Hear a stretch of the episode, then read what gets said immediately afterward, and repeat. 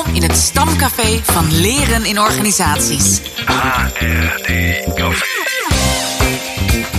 Maak het jezelf gemakkelijk. Ontmoet vakgenoten en laat je verrassen door de laatste nieuwtjes. HRD Café.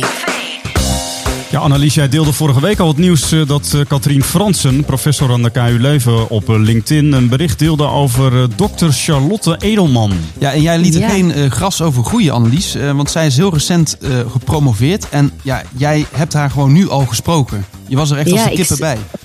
Ja, ik sprak er met onze collega Niels Ceresia en wij wilden weten wat ze precies vond in haar onderzoek over gedeeld leiderschap. En eh, het leuke is, als je met wetenschappers spreekt, dan eh, is dat allemaal heel precies. En ze heeft dus ook een hele mooie, precieze definitie van wat gedeeld leiderschap dan precies betekent volgens haar. Ehm, maar die definitie die wij dus eh, hanteren en die ook eigenlijk het meest wordt gehanteerd, is dus dat, ehm, eh, dat dus leiderschap niet alleen maar vanuit de formele leidinggevende moet komen, maar dat het ook kan komen vanuit het team. Dus we hebben eigenlijk een soort hybride structuur van leiderschap, waarbij we dus eigenlijk ook de leidinggevende ehm, includeren. En niet zozeer self-steering teams. Hè. Met self-steering teams dan is er geen leidinggevende en dan organiseren ze zichzelf. Nee, wij zeggen echt van hè, een familieleidinggevende is ook belangrijk. Ehm, en vandaar dat we dus eigenlijk zeggen van we hebben één leidinggevende die bovenaan het team staat. Hè, en die ook bepaalde rollen moet opnemen als leidinggevende. Maar dat er ook binnen het team mensen kunnen zijn, niet iedereen, maar sommigen wel, die dus ook het talent hebben of de expertise om bepaalde leiderschapsrollen op te nemen. En dan spreek ik inderdaad niet, er, allee, het, hoeft niet zo te zijn dat alle tien rollen moeten worden opgenomen. Het kan zijn dat, ehm, eh, het kan zijn dat bijvoorbeeld één persoon wel toevallig ehm, heel goed is in twee rollen. Ik, bijvoorbeeld de sociale activiteitenleider en de verbindende leider. Dat zou kunnen, dat moet toekomstig onderzoek nog uitwijzen. Er kunnen ook mensen zijn die helemaal geen leiderschap willen opnemen of kunnen opnemen.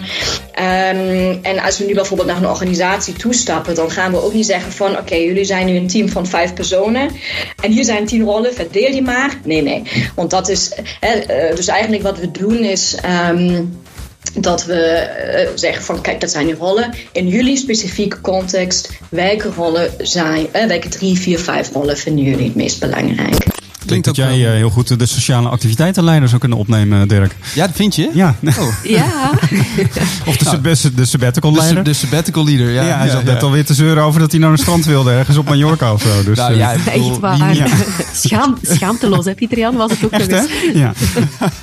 Nou, hey, maar als ik dit zo even beluister, hè, dan, dan klinkt het ook wel een beetje dat gedachtegoed van gespreid leiderschap er doorheen. Ik weet niet of ik zie jou knikken, PJ. Ja, volgens mij ook. Hè. Dat is wel echt tof dat er nu eh, wetenschappelijk onderzoek ook eh, naar gedaan is. Volgens mij eh, eh, vind je dat ook wel nog in de Amerikaanse literatuur terug. En wat ik ook wel heel verfrissend vind, is dat ehm, Charlotte eigenlijk een, een hybride model presenteert. Hè.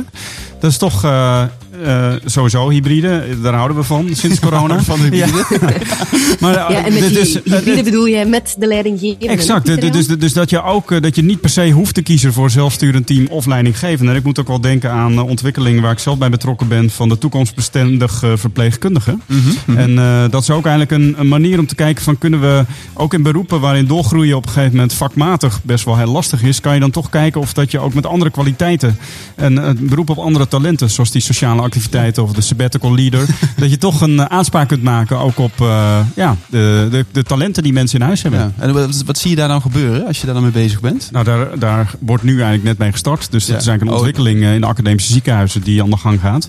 En dat is best wel spannend hoe dat, hoe dat loopt. Maar toch een manier om te kijken hoe kunnen we dat vak van verpleegkundige ook aantrekkelijker maken. Nou, dus we moeten jou daar, jou daar later eens even op terugvragen hoe dat eh ja, of, of, iemand uit de ziekenhuis natuurlijk. Dat is nog leuker. Nog leuker, ja. ja.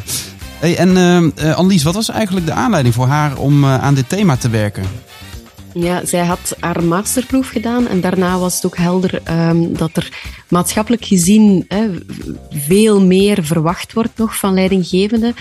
Teamtaken worden complexer, teamwerk wordt complexer. leidinggevenden moeten een beetje alles kunnen, processen monitoren, doelstelling bepalen, het team motiveren, inspireren. Ehm, en het grote vraagstuk, eh, ook een link met burn-out, van is het allemaal wel realistisch wat we van die eh, tussenlaag verwachten? Uh, en kan die alles doen en ook goed doen? Um, en ook in, in, tweede instantie was het voor haar ook van, we, zijn ook uh, de vaststelling van, dat missen we ook potentieel bij de teamleden. Dus van daaruit zijn zij verder gaan zoeken. In het interview zegt Charlotte het volgende, namelijk gedeeld leiderschap is heel complex. Hè. Je kan bijvoorbeeld zeggen, oké, we gaan één leider binnen het team aanduiden, die dus al het leiderschap opneemt. Of we kunnen zeggen, um, we gaan meerdere leiders binnen het team um, uh, verantwoordelijkheid of leiderschap uh, geven. En, um, hè, of we kunnen bijvoorbeeld zeggen, we gaan gewoon leiderschap in het algemeen, als algemeen concept binnen het team verdelen. Of we gaan echt werken met verschillende specifieke leiderschapsrollen. Dus dat zijn verschillende implementaties, maar we weten niet zo goed wat zijn nu eigenlijk de voor- en nadelen van deze hmm. verschillende implementaties. wat werkt het best? En dan vanuit het zicht van de teamleden, vanuit het zicht van de familieleidinggevende. Dus dat was eigenlijk het eerste onderzoek wat we hebben gedaan. Nou, op basis van die um, uh, inzichten of onze bevindingen, um, konden we dus, zien dat, um, nou ja, dat dus het meest um, wordt gewaardeerd om uh, echt te werken met verschillende leiderschapsrollen binnen het team. Hè? Om dus echt te zeggen van, goh, we hebben iemand die zich bezighoudt met dit aspect en iemand anders die zich bezighoudt met een ander aspect en zo verder. En op basis daarvan wouden we dan eigenlijk kijken van, goh, um, hoe is dat eigenlijk in organisaties, teams? Hè? Is dat echt belangrijk om met verschillende leiderschapsrollen binnen het team te gaan gaan werken. Uh, en dan in die zin dat het echt leidt tot positieve uitkomsten. Nou, dat hebben we dus dan ook gedaan. En we hebben dus um, verschillende leiderschapsrollen die binnen sportteams al werden geïdentificeerd. Um, die hebben we dus laten beoordelen in organisatieteams. En wat bleek dus? Hè, het bleek dat dus inderdaad de kwaliteit waarop verschillende leiderschapsrollen binnen het team, hè, dus door leiders binnen het team, werden opgenomen, dat dat inderdaad leidde tot een hogere teameffectiviteit um, meer werktevredenheid en minder burn-out symptomen. Zou jij dan, Pieter Jan, uh, aangezien je deze week zoveel in de sportschool hebt gezeten, de, de sportschoolactiviteit leider zijn? Of? Ja, dat is natuurlijk weer een activiteit die je dan niet in een team doet. Dus, uh, dat zou wel verfrissend ja, zijn. Moest wel even denken aan de 7-1 overwinning gisteren van Feyenoord. Uh, Zo. lopen ook allemaal leiders op het veld. Ja, ja, stuk voor stuk hè. Ja, maar goed, dat is weer, uh, dan moeten we voor de Dik voor elkaar podcast luisteren. ik ben wel benieuwd, Annelies. Ehm, als je zo over haar onderzoek hoort, hè, ik kan me voorstellen, je werkt zelf ook veel met teams. En ja. hoe zie jij dat dan terugkomen in de praktijk? Dat deze vorm van uh, nou ja, leiderschap. En kan je dit zo over zeggen? Ja, ik, ik, moet concreet ook aan één team denken dat ik nu aan het begeleiden ben. En wat ik daar voel, het is een team van, uh, van vier personen.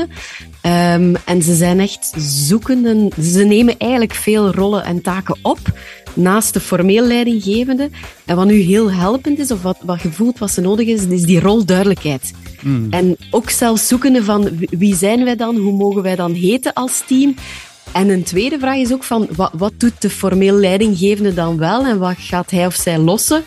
Um, dus die speelt enorm. Dus die helderheid creëren, merk ik, werkt goed. En um, wat ik ook nog uh, merk is dat um, het, het, spannend wordt, denk ik aan een andere organisatie, als medewerkers toch in het discours blijven hangen van leidinggevende moet en weet alles. Um, als, dat niet heel, als die shift niet helemaal gemaakt is, dan valt dat team telkens terug op een soort van, ah, wel, ga jij het nu niet zeggen of mm. doen? Um, en in een soort frustrerende houding. Uh, dus het is wel echt precair um, en het vraagt heel veel verduidelijking, vooral merk ik in de praktijk. Charlotte is ook echt heel enthousiast over wat haar onderzoek heeft opgeleverd. Het is ja. super boeiend wat we hebben gevonden. Namelijk uh, zou je kunnen denken dat formeel leidinggevenden vaak um, nou ja, uh, angst hebben om gedeeld leiderschap te implementeren, omdat dat misschien zou kunnen betekenen dat hun formele status daaronder leidt. Um, eh, of dat ze niet meer echt worden gezien als leidinggevende. En um, dat kan natuurlijk wel eng zijn. Maar wij hebben ons dus de vraag gesteld van ja, zijn deze angsten überhaupt gerechtvaardigd? Uh, en wat we dus inderdaad zien is dat, um, ja, dat dat juist niet gerechtvaardigd is en eigenlijk juist het tegenovergestelde blijkt te zijn. Namelijk als leidinggevenden ervoor kiezen om leiderschap binnen het team um, uh, te delen. Dus dat er echt leiders binnen het team ehm, zijn die, die leiderschap op, op zich nemen, dat dat juist maakt dat de leider zelf ook als een betere, of dat de formeel leidinggevende ook als een betere leider wordt gezien. Um, en dat is natuurlijk wel heel motiverend voor zo'n formeel leidinggevende om dat te weten. Dat, um, ja, dat er juist ook een positief effect heeft op, op uh, hoe zijn of haar leiderschap wordt gezien. Ja, dus de, dat was mijn vraag naar haar toe van, hè, wat is het effect op die leidinggevende? En het verbaast mij ook ergens niet dat het dit is, maar het vraagt wel, uh, het vraagt wel toch wel wat motiverende krachten, denk ik, van die leidinggevende om die situatie goed te brengen. Um, meer informatie over het onderzoek van Charlotte. Uh, Charlotte Edelman kan je vinden via uh, Leading Insights, www.leadinginsights.be slash onderzoek slash organisaties. Het is een super overzichtelijke pagina waar je ook al die leiderschapsrollen waar zij over spreekt een tiental kan bekijken, samen met de samenhang en het effect op teameffectiviteit. Leuk ook hoe haar passie doorklinkt naar het onderzoek wat ze gedaan heeft. Um, en Annelies, tot slot vroeg jij Charlotte nog om een tip te geven voor ons als HRD'ers? Hmm, ik zou vooral denken van er, er steeds veel meer teamwerk ook binnen organisaties. En zou je niet misschien um, als team of als je leidinggevende van een team bent, erover willen nadenken of er niet een meer um, effectieve manier is om, um, om het werk. Nou ja, oké, sorry. nog opnieuw een keer zeggen. nou ja, ja of, of de manier of, uh, waarop uh, wordt gewerkt, of dat niet op een meer effectieve manier kan gebeuren. In die zin dat je echt de talenten gebruikt die binnen het team liggen. En ook in die zin die human resources gaat maximaliseren. want je kan natuurlijk zeggen, oké, het team doet zijn werk. Ik als familieleidinggevende doe alles. Maar ja, het is niet haalbaar.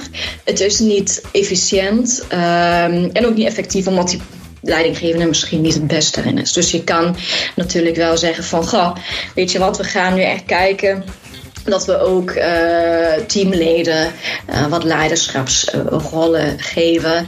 Um, en Natuurlijk betekent dat niet dat er nu al teamleden moeten zijn die al heel goed zijn in deze leiderschapsrollen. Of misschien zijn ze ook helemaal nog niet gewend om überhaupt leiderschap op zich te nemen. En dan hebben we dus um, een, een, programma uitgestippeld. Hè, dus uh, mijn onderzoeksgroep waarin we dus eigenlijk als leiders binnen het team zijn benoemd. Waarin we ze dan eigenlijk door vijf verschillende workshops gaan begeleiden. Om dus um, ja, die leiderschapskwaliteiten eigenlijk te gaan, uh, nou ja, te gaan versterken eigenlijk. HRD Café. Met Dirk van der Pol, Pieter Jan van Wijngaarden en Annelies Wiebel. Trending. Trending Topics. Trending Topics. Wat zijn de laatste nieuwtjes?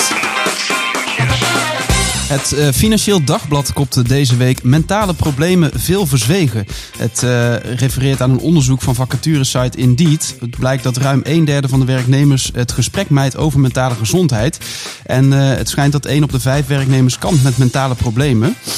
Burn-out en depressie worden als meeste klachten genoemd. In de februari-editie van TVOO met als thema schaarste schrijven Emma Lodder en Jozef Kessels over het belang van het historisch perspectief voor HRD'ers. In het tumult van de huidige tijd, nieuwe modellen en hypes schrijven ze vergeten we namelijk wel eens dat we in ons vak best mogen terugkeren naar klassieke modellen en theorieën. En veel van onze huidige opvattingen vinden daarin ook een oorsprong en bouwen we daarop voort. Al dus Lodder en Kessels. Een dergelijk historisch besef kan verrijkend werken, ook voor vraagstukken waar we vandaag de dag mee te maken hebben. Je leest het blad onder andere online voor nog geen 7 euro. Koop je? Uh, ja, koop je. Download je, je de editie Schaarste via www.professioneelbegeleider.nl slash schaarste-februari-23. En de link zetten we natuurlijk in de show notes. Op uh, de HRD... Uh, op, excuseer, op de HR Pro op 2023-conferentie van 16 maart was het centrale thema inclusief talent management. Katrien Goossens deelde haar key takeaways. Um, en die kwamen uit de keynote van Peggy de Prins, onder andere van de Antwerp Management School. En haar eerste takeaway was woorden doen, er, doen ertoe. Creëer een gedeeld begrip in je bedrijf over wat je bedoelt met begrippen als talent of diversiteit of inclusie, want die definities kunnen verschillen per bedrijf. En het tweede takeaway die ze onder andere deelde was betrek iedereen in je bedrijf. Creëer DEI-initiatieven niet alleen of namens mensen, maar met alle mensen. Um, ook leden uit de meerderheid en laat zien wat er voor iedereen in zit. Chip de Jong laat uh, afgelopen woensdag op uh, Twitter weten te gast te zijn bij de jaarlijkse IB-conferentie in Ede. Uh, en IB staat dan waarschijnlijk voor intern begeleider. Hij nam daar een live podcast op over kwaliteitsverbetering in de school en de rol van de interne begeleiding hierin. Met 600 luisteraars. Chip geeft aan dat het best spannend was, maar dat hij blij is met het resultaat. Goede vragen uit het publiek ook. En het resultaat is natuurlijk te beluisteren via de Chipcast. Kijk even op chipcast.nl en dan vind je hem daar vanzelf. Kennis in ontwikkeling. HRD Café. En Dirk, je hebt de grabbelton weer meegenomen naar Driebergen, want wij zitten op uh, Bloemhuivel natuurlijk. Ja, ik in die Honda Jazz stappen, de grabbelton mee. Bijna vergeten ook nog eens. We gaan uh, grabbelen. Gezellig, leuk jongens. Nou,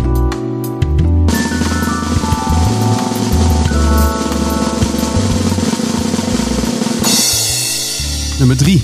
Nummer drie. Nummer drie. Ja, ja, ja. En Pieter Jan, jij niet kijken, want ik uh, klap er speciaal een boek voor open. Um, werken met verhalen in de context van team- en organisatieontwikkeling vraagt om het creëren van een situatie die mensen in staat stelt hun eigen verhaal te expliciteren, tussen haakjes separeren. Te luisteren naar verhalen van anderen of van de buitenwereld, ik, wij, zij verhalen, en deze samen te onderzoeken, deconstrueren en te vernieuwen, construeren. Ik weet het, ik weet het. heb je hem al uit, uh, Annelies, of niet? ik heb hem nog niet uit, maar ik ben hem volop aan het gebruiken. Ja. Uh, ja, verhalen veranderen van onze zes collega's. Ja, het is, ik weet niet of we een applausgroffel hebben, maar je zit uh, helemaal raak, uh, Annelies. Ja. Dus, en mooi in het kader van die takeaway die je even benoemde bij dat HR Pro 2023 event. Ja. Van woorden doen ertoe. Ja. En ook dat je dat met alle mensen doet, hè? En dat hoor ik ook terug in deze quote. Dat Zeker, je met elkaar het verhaal maakt. Ja. Nou, mooi. Nou, uh, kort boek, vandaag met, ja, de, met de verhalen veranderen. Jeetje. een aanrader, het boek van onze collega's. Collega's. Ja, tof dat je weer luisteren naar de HRD Café podcast. En uh, vergeet ons niet te volgen op Instagram of te abonneren op Apple Podcasts of Spotify. Stuur ons een mailtje als je nieuws hebt via reactie.hrdcafé.nl. Tot volgende week. Er ook binnen het team mensen kunnen zijn, niet iedereen, maar sommigen wel, die dus ook het talent hebben of de expertise om bepaalde leiderschapsrollen op te nemen. Deze podcast, Deze podcast werd geproduceerd door Kessels en Smit Kessels en Smit Broadcasting.